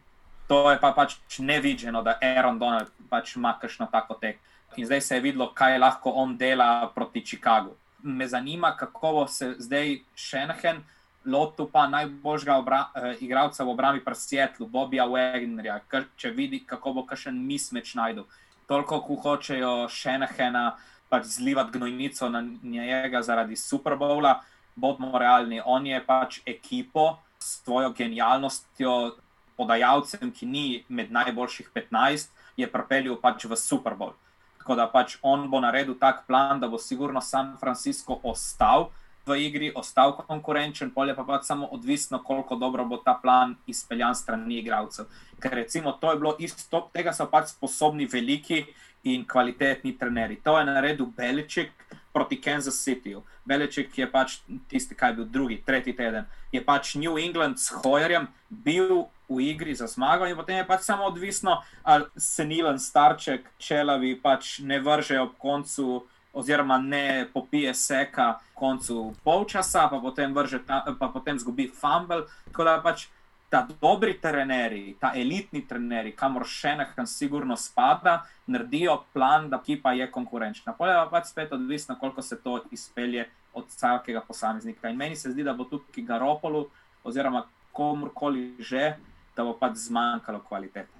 Spet smo okay. pri Jimmyju. Jaz, jaz, jaz bi se navezal na tole um, tekmo od tuje Tagovajloje, ki bo začel svojo prvo tekmo na poziciji quarterbacka za Miami proti Los Angeles Rams. Tako da, evo, spet lahko kakšno o Ramsih rečeš rok. Uh, jaz mislim, da pač Miami bo mačkam prekratek, mislim, da se bo tako kot bumerang obrnil proti Floresu, to, da se je tukaj odločil za Rukija sem med zagovorniki pač Ryana Fitzpatricka, mislim, da bi jim veliko boljš del, če bi do konca sezone Ryan Fitzpatrick opravil svoje delo, pa bi se pač tu od njega učil in bi potem v naslednji sezoni pa vsem dobil priložnost. Ja, jaz sem tle istega mnenja, da bi mogla biti to sezona, predvsem zaradi tega, ker če se spomnimo še kaj slabo leto, ma ni slabo leto nazaj, uh, kaj deset mesecev je Tua utrpel tako poškodbo, ker so pač govorili, da bo mogel končati kariero, ne da bo pač prišel v NFL, bil zbran, kaj če peti, četrti, no, kako koli četrti, se mi zdi. To je poškodba, ki je ne premaga vsak, ni sicer primerljiva zunaj od Alexa Smitha, ampak to je pač zaradi iste poškodbe, Bo Jackson mogel nehati pač uh, nogomet igrati. Tako da me, jaz se samo bojim, da če pač online Miami ne zdrži, kar je pokazal pač v letošnji sezoni, da zagotovo ne spadajo med najboljše, da so tam prav, recimo, povprečni, če ne recimo en tak C-minus. Pes Raš od Remsov na čelu z Aaronom Donaldom je sposoben in ko, bo, ko bojo, ne vem, trije, štirje se zvalili na to, jaz pač bom vsakič bom v krču, kot da bi bil, ne vem, moj otrok uh, tam spodaj pod tem pajlom. Tako da meni se zdi, da bi moglo biti to z neke preventive, tudi ne vem, vse Miami ne, ne igra za nič. Miami igra pač to sezono zato, da igralci dobijo eno leto izkušenj, pa da, se red, pa da se naredi neko selekcijo, na koga se lahko računa v prihodnosti. In se bojim, da si bojo zakockali prihodnost, če tu stakne, stakne, ali pa da si vsaj rahlo obnovi kakšno isto poškodbo. Tako da se mi zdi, da je. Razumem, kaj želijo narediti, se pravi, da okay, smo mu dali priložnost, tu ne tri podaje, ki je zaključil, je izgledalo dobro, na, v NCAA-ju je bil pač, po moje, kar se z talenta tiče, bil boljši kot Burrow, boljši kot Herbert. In po moje, zdaj, ko gledajo, kaj je Herbert naredil, pa kako dobro Burrow igra, si želijo pri Miami, evo pač. Evo naši navijači, tudi mi se lahko pohvalimo z enim super mladim podajalcem, tukaj je tu, to je novo obdobje, zdaj pa pač bote veseli. Ampak se mi zdi, da so bili lih malo prehitri, lih zaradi tega, ker pač je, ni, ni ta pravi trenutek. No. Niža? Kaj pa naj povem, ker ste že vse povedala? V bistvu, jaz sem tudi tukaj pač na tej strani. U, celo enkrat se vsi trije za nekaj strinjamo. Wow. Vedeli so, kaj se pričakuje od te sezone, da je Ryan Fitzpatrick, starting QB in jaz res ne vem, kako lahko se ti na podlagi treh, štirih podaj, ki jih tu vrže, odločiš, da zdaj bo pa on naš začetni podajalec. Ampak mogoče je glih ta point, ki ga je izpostavil rok, da vidijo, kako je eksperiment roki podajalca delal, predvsem pri LA Chargersih, ki je bil tudi tak nepričakovan shift, da, rek, da si je pa pač Brian Flores rekel, aha, bomo pa tudi mi probali. No, ne vem, še vedno mislim, da je Ryan Fitzpatrick na tekmah, ki jih je letos. Odigral, odigral vrhunsko, sploh tisto proti San Franciscu, In sem res mislila, da bo on vsaj še neki tekem pač bil starting QB, ker še vedno mislim, da so imeli boljšo šanso z njim, da se vsaj borijo za playoff, kot bojo imeli pač tu. Glede tekme Bears, uh, Saints, ne bom pač več dolgo vezal o Bearsih, ki smo že vse povedali, ampak me pa zanima vajno mnenje glede Michaela Thomasa. On slučajno izsiljuje zakaj ne igra, je res pač posredi tukaj poškodba stegenske mišice, pa gležna, kdaj bo nazaj, bo sploh nazaj. A je za pričakovati, da bo mogoče lih tekmo proti Chicagu, tista, ki ga bomo spet videli na igrišču? Jaz mislim, da ima res težave s poškodbo. Sicer vmes pred bajem so ga izključili zaradi tega, ker se je v lase skočil z enim soigralcem na treningu, ampak mislim, da tukaj ni nobene mislim, noč tazga v ozadju, da bi zaradi tega on karkoli izsiljeval ali kaj tazga. Ne, no, ne zdi se mi taka diva, oziroma ne zdi se mi, da ima spet tak ego, kot ga ima recimo kdo drug, da bi na podlagi tega izsiljeval. Tako da, po mojem, res pač poškodovan. Upam pa, da ga bomo videli, ker ga rabimo v fantaziju, jaz, ga imam. Ne vem, jaz, Michael Thomas, itak že po defaultu. Uh, ne maram, ker mi je pač, zaradi tega sem tudi tle uh, tako malo zavil z očmi, oziroma bil presenečen, ker je ne že rekla, da to ni diva. Pač to je, to je prav, um, če je Antonijo Brown 1A, je Michael Thomas 1B. Pač to je ena navadna jokica, en navaden kloven, ki pač rabi pozornost, rabi žoge. Uh, Laufa tiste slene, slente in avte, in pač to je to meni se zdi, da je, kaj z tem, je zafrustriran, po mojem, tudi z dejstvom, da v poškodbi dobijo, dobivajo drugi lovilci več pozornosti, da se ne govori o njemu, da je to bolj povezano z njegovo osebnostjo, kot z dejstvom, pač, da ne more biti uh, na igrišču. In se mi zdi, da so vse tiste, čeprav pač vse to, kar sem rekel, se mi zdi, da so tiste govorice o njegovi morebitni menjavi, tem tradu, da so pač pretirane in so zgolj, da mediji poskušajo malo priliti um, olja na ogenj. No. Tako da, moj, pa vseeno greš še vedno za enega izmed najbolj talentiranih posameznikov na položaju lovilca, in se mi zdi, da se takega talenta ne odkrižaš, če ti res ne gre narediti kazen, neke prometne nesreče ali pa domestic violence ali karkoli. Pač. Če nimaš nekega res takega razloga, da ga ne moreš upravičiti, da ga še držiš na, v, v ekipi. Tako da, po moje, pač trade Michaela Thomasa ne bomo videli, je pač odvisno, kdaj bo prišel nazaj. Ker, uh, New Orleans ga, ga potrebuje. New Orleans je trenutno samo Elvin Kamara, tako da ga, ga rabi New Orleans in po moje tudi. Pač New Orleans rabi Michael Thomas, ampak tudi Michael Thomas rabi New Orleans. No. Še ena tekma, ki me tudi zelo zanima, vajno mnenje. Buccaneers Giants, tudi tukaj imamo pač handicap, 10 točk, bi bilo pa veliko bolj primerno, če bi bila tudi tukaj mogoče razlika 20 točk, glede na to, da se je pri Baksih vse skupaj kar dobro poklopilo. No, pač se je poklopilo tako, kot se je, zdaj so dodali Antonija Brauna, rekla sta, da ne bo igral, pri Giantsih pa je očitno velika težava tudi držati vodstvo, če ga sploh imajo. Jaz mislim osebno, da tukaj na tej tekmi ga sploh ne bo imel. Pa pozabili smo povedati uh, drugo potezo, takoj za DK Metcalfom padec na nos uh, Daniela Jonesa na tekmi proti Eaglesom. No, še en tak mi material za naprej, pa za nazaj. No. Jaz se strinjam. To ponazori sezono Giantsov v tem letu 2020. To so New York Giantsi. Pa pa da se zve, potem, da gre sta Daniel Jones pa Sequan Barkley pit v nek lokal. Kona, Brez mask. Ok, brez mask. Maske niso mandatori v Ameriki na zaprtem. To ne, bolj se bo pač NFL vzdel sporno, da gre sta ona dva, ko ima ona ta, oni tok stroga pravila, da gre sta pač pitu lokal in pač vse smo rekli, ne. NFL to zelo hitro kaznuje s tem, da te izključ. Zdaj, Giantsi so že tako slabi, če ne bo imel Daniel Jonesa, res da bo imel kakšen fumble pa interception manj na tekmi ampak bojo imeli tudi še te točke, kar jih naberejo, jih bo tudi veliko manj. No, pač tukaj, če, če bi bil zmaga Jetsov proti Chiefsom, ultimativni presenečenje, pol bi bil pa to pač ultimativno presenečenje številka dve, če bi šokiral Giants in Bucks. Še nekaj sem se spomnil, z drugih gledam, da imajo Chargersi v tem tednu tekmo proti Broncos. Vajno mnenje, kdo je zaenkrat pokazal več, Justin Herbert ali Joe Burrow?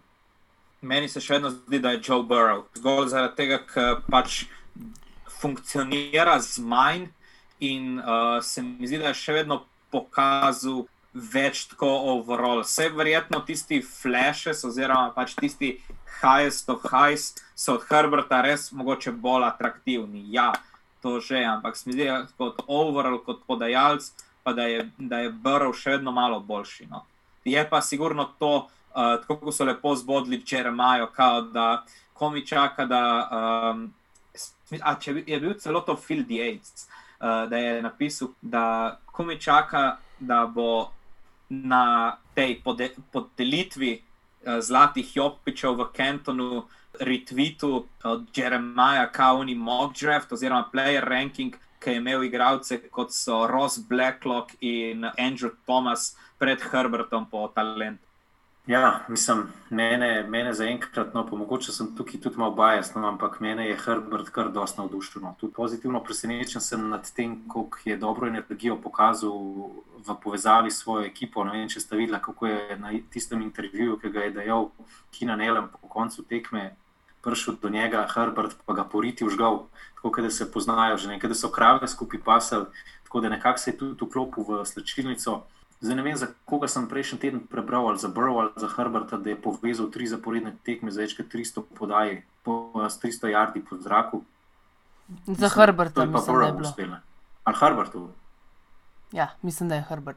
Ne, meni se še vedno zdi, tako kot je rekel Marko, da, je, da so njegove podaje bolj atraktivne in da se tudi mogoče bolj omenja v medijih Justina Herberta, pa več njegovih highlightsov se kaže kot jo, Joeja Burrowa in avtomatsko nekako, ker potem več vidiš Justina Herberta, se ti pa zdi, aha, lej, ta je pa mogoče najboljši ruki podajalec za zdaj. Kot je rekel rok, Joe Burrow ima v napadu veliko manj, kot ima Justin Herbert, še posebej, ker AJ Green res igra preko kurca. A smo ga pozabili omeniti na trade bloku? Ja, to, to smo že prejšnji teden omenili, da je pač na sidelineu ga kamera ujela, kako je rekel, da ne se ga trada. To je res. Ja. Joey Burrow operira z precej slabšim napadom, tudi John Ross, recimo, ne dobiva praktično več priložnosti. Tudi veliko, um, bolj, mislim, sta pa oba zelo odvisna od uh, igre po zraku, ker prejšnji teden je imel Burrow poškodovanega Joea Mixna, kar se tiče pa Herberta, pa tudi tako. No. Glavni tekač je bil zdaj Ekeler, pa se je poškodoval, Gordon je šel pa itak v, v Denver, tako da tudi on ne more operirati s najboljšimi tekači, da bi se na njih šlepal. In fanta zaradi tega tudi mora ta tok metati, zaradi tega rata tako 300, 350 jardov po zraku na, na posamezno tekmo. Torej, strinjamo se, kje je tekma tedna. Strinjali smo se tudi, da Tua Tagovailoa ni najboljša izbira kot zamenjava za Rajna Fitzpatricka bomo pa mogoče zdaj kaj vsak teden prilagodili našo napoved za Super Bowl, zdaj nežati jo, itak uh, bi jo morala že konkretno zamenjati.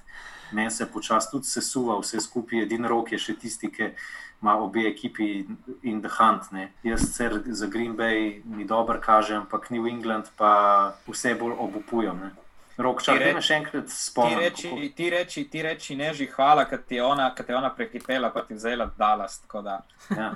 Ti imaš pa Kansas City, pa Seattle. Tako, tako, tako. A ga bomo zdaj spremenila? Ne, jaz ne bom, jaz ne bom več spremenil. Kar sem rekel, sem rekel. Le. Ja, jaz isto.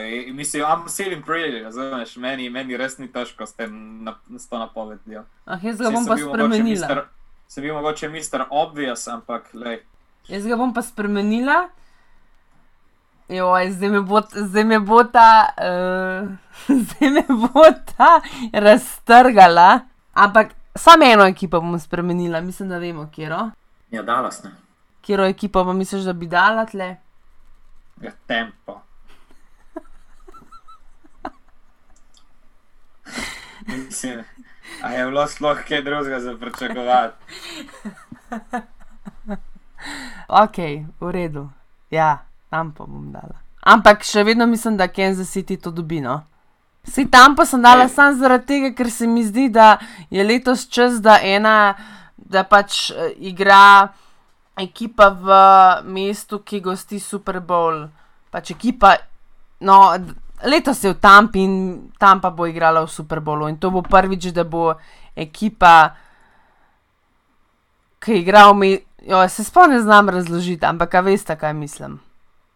Ja, ja, pač probaš, probaš narediti to tvojo odločitev, all about. Pač v, o vsem drugem, samo ne o tem, pač, da, da si še vedno sucker for Tom Brady. Da, to bom pa zmeri sucker for Tommy Boy. Ej, a veste, kaj se je zgodilo? Kaj? Zgodilo se je to, da, da je podcast minil brez uh, bolj predikšna Marka Hrastarja. A boš dodal koga, kakšnega za konec? Ja, en bold prediction. Nisem, nisem zdrav, če ne dam enega bold prediction. Zato napovedujem, da se bojo v končnici v konferenci NFC znašli tudi Detroit Lions.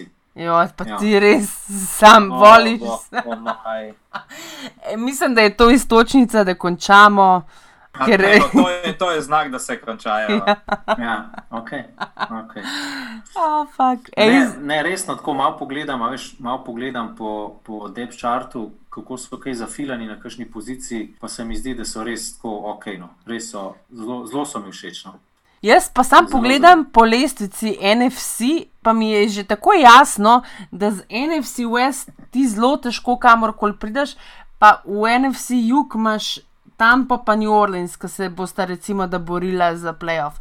Pa imaš Green Bay, pa pa imaš kaj še vzhod. Ja, ja, Green, oh. Green Bay, Chicago, pa Detroit. Ne? Ja, pa koliko jih bo šlo iz NFC-a? 13 noter.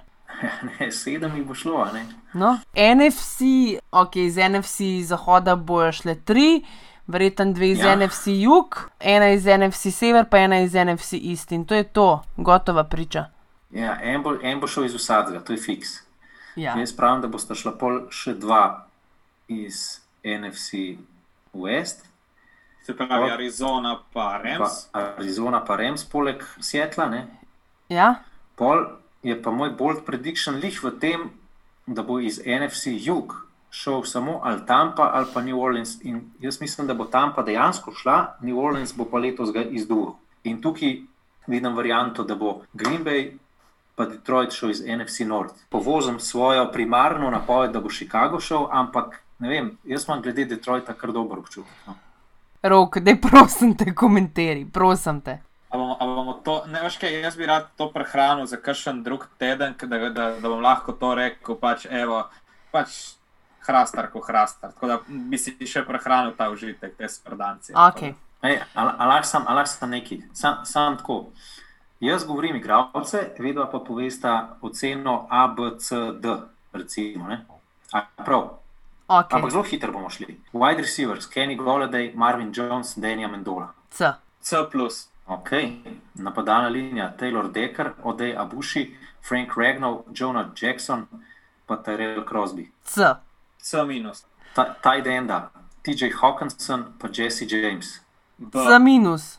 Quarterbacks, Matthew Stafford, Chase Daniel, pa David Blau. B. B minus. Running back, Currion Johnson, Adrian Peterson, DeAndre Swift. B minus. B. Ok, glavna cornerbacka Desmond Trufant, pa Jeff Okuda. C minus. Zdaj, zdaj pa take ocene govorite, samo zaradi tega, da me boste zabila. Ok, safety, Duron Harmon, Jadron Curse, pa imamo pa Willa Harrisa, pa Tracyja Walkerja. D plus at best. C je. Ok, linebackeri, Jamie Collins, Reggie Regland, Gerard D Davis, Christian Jones. To je to, no, tistega, kar je kaj vreden. C. C minus. Defensive tackle sta Danny Shelton, pa Nicholas Williams, C. C. pa še pace rusheri Romeo Okvara, Deshaun Hand, pa Trey Flowers, Kaj to pa je B. pa Matt Prater za kikarja. A, dobro, to je pa pač še eden boljši. Okej. zdi Se mi zdi tako, Detroit se mi zdi preveč povprečna ekipa, da bi lahko naredili, ampak tako kot sem rekel, prej. Ma, ne vem, se mi zdi, da, mi zdi, da jim še vedno premalo manjka, mislim, da imajo premalo, da jim še vedno preveč manjka, da bi naredili. Je pa res, da je sedmo mesto bolj odprto, kot se zdi, no, s tem se bom pa strinjal. Okay, naslednjo tekmo je proti Kolcom, tako da že takoj velika, velika preizkušnja. Jaz se še vedno ne Ja, bom z vama strinjala in mislim, da Detroit tudi videl ne bo končnice blizu. Bi rekla celo, da ima Chicago več šans pri končnici kot Detroit, zaradi tega, ker so nepredvidljivi, pa zmajo, znajo zmagati take tekme. Pač Arizono so premagali letos, ampak še vsem mislim, da so, ko kot prav rok, preveč povprečni, pa preveč nekonstantni, tako da nimajo v končnici prej pač nad zapraskati. No. No, ampak klej pa jaz, recimo, se s tabo ne bi strinjal. Jaz bi pa prej rekel, da Detroit pride prej v končnico kot Chicago. Lik zaradi tega, ker konc koncev imaš potem se ekipa, kakorkoli obrneš, se, mislim, šport, se kakorkoli obrneš, se vrti okoli podajalca. In če imam za zbirati med Staffordom in Folsom, ali pa med Staffordom in Čubiskim, pač mislim, da je tle vsem jasno, nekje, kam, mislim, kam, se, kam se obrneš. Ja, pa tudi za razliko od Folsa ima Stafford nekomu zametati, a ne? Golladay Jones, Amendola pa, pa Hawkinson, ne, ki je začel zdaj dobro igrati. Ti imaš pa tam samo Robinsona, pa včasih še Grema, pa ajde včasih še Muni. No, ampak če imam za zbirati opcije Chicaga, pa opcije Detroita, zberem Detroit vsak dan. Program povemo, ki je za ta teden na sportklubu ob 19. uri Steelers, Ravens, pa na enem izmed bolj odročnih programov, verjeten Patriots, Bills, v drugem terminu Saints, Bears, 49ers, Seahawks, v noči na ponedeljek, Cowboys, Eagles. Upam, da te, te tekme ne bova pisana, če bova, bova častno opravila svoje delo kot triurni podcast. In pa še ponedeljkova tekma v noči na torek, Buccaneers, Giants. Kar zanimiv teden, kdo je na baju, Na ene parih je. Jacksonville sem videla, ker se je DJ Čark danes poročil. Na Bajviku so Cardinals, potem Broncos. Kar a, Bronco so ne, ne, imeli. Broncos. Ne, to je, bilo pri, ja, to je bilo prvotno, zdaj gledam. Ne, Washington, pa Houston, pa Arizona, pa Jacksonville, ja, te štiri ekipe. Dobro, to je to. Lepo je bilo videti nadaljavo. Tudi vaju. naslednji teden spet snemamo, itak se zdaj to dogaja, pa tale trade deadline bo jih enkrat takole v sredo. Ne? Ali v Ja, po torek. mojem bo, bo V torek. trade deadline, če se bo kaj zgodilo, tako kot mislim, če se bo toliko dogajalo, kot se napoveduje, si bo samo trade deadline zaslužil en special epizod od podcasta. No. Pa se dejansko lahko posvetimo cel podcast temu. Na hitro omenimo pač te tekme, pa trade deadlineu posvetimo recimo vsaj polovico. Ne? Komod. Ja, meni je prav. Se pol vidimo, okay. Mislim, vidimo, slišimo naslednji teden. Ja, Tako.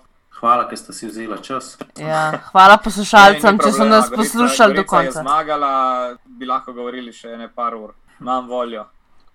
Pa hvala poslušalcem, ki ste nas poslušali. Rekord smo postavili, ker smo skoraj dve uri debatirali. Thanks! Ne. Neža se boš malo zrezala. Ne? Te podcasti so, odsto, te podcasti so že malo predolgi. No? Ne vem, če poslušalce toliko zanima, ampak dobro. Vsi imajo karanteno, po deveti, lepo da prejem zaspijo in adijo. Ja, sem res. Zdaj, zdaj bi lahko dejansko že sam zaradi tega podaljšal podcaste. Petition. Ne rabimo petition, sej tek sami od sebe govorimo. Nač, to je to. Dajte se, jaz, jaz bi sam še za konec to povedal, da ne bo ostal zmeri sam pri naših besedah. Dajte poslušalci v poslušalke napisati, za kere ekipe kaj navijate, da vidimo iz kje ste, pa za koga navijate. No. Kdo Tako, pa nas s katero najbolj hejta? S katero ekipo simpatizirate, pa kako je nastalo to, da ste začeli simpatizirati s to ekipo. Bomo radi tudi to slišali, malo feedbacka. No. Hvala. Kul, cool, hrast. Nač, se, vidimo, nas, se slišimo naslednji teden, uživite v. Koliko je zdaj, week 8? Weekend, ja. Ok, Pa dajte vsak večer kaj izmoliti, zato da bo tale sezona šla do konca. No. Da se ne bo kar naenkrat vse ustavilo. Hvala. fingers crossed. Ajde. Face, face bodte. Ajde, čau. Dio.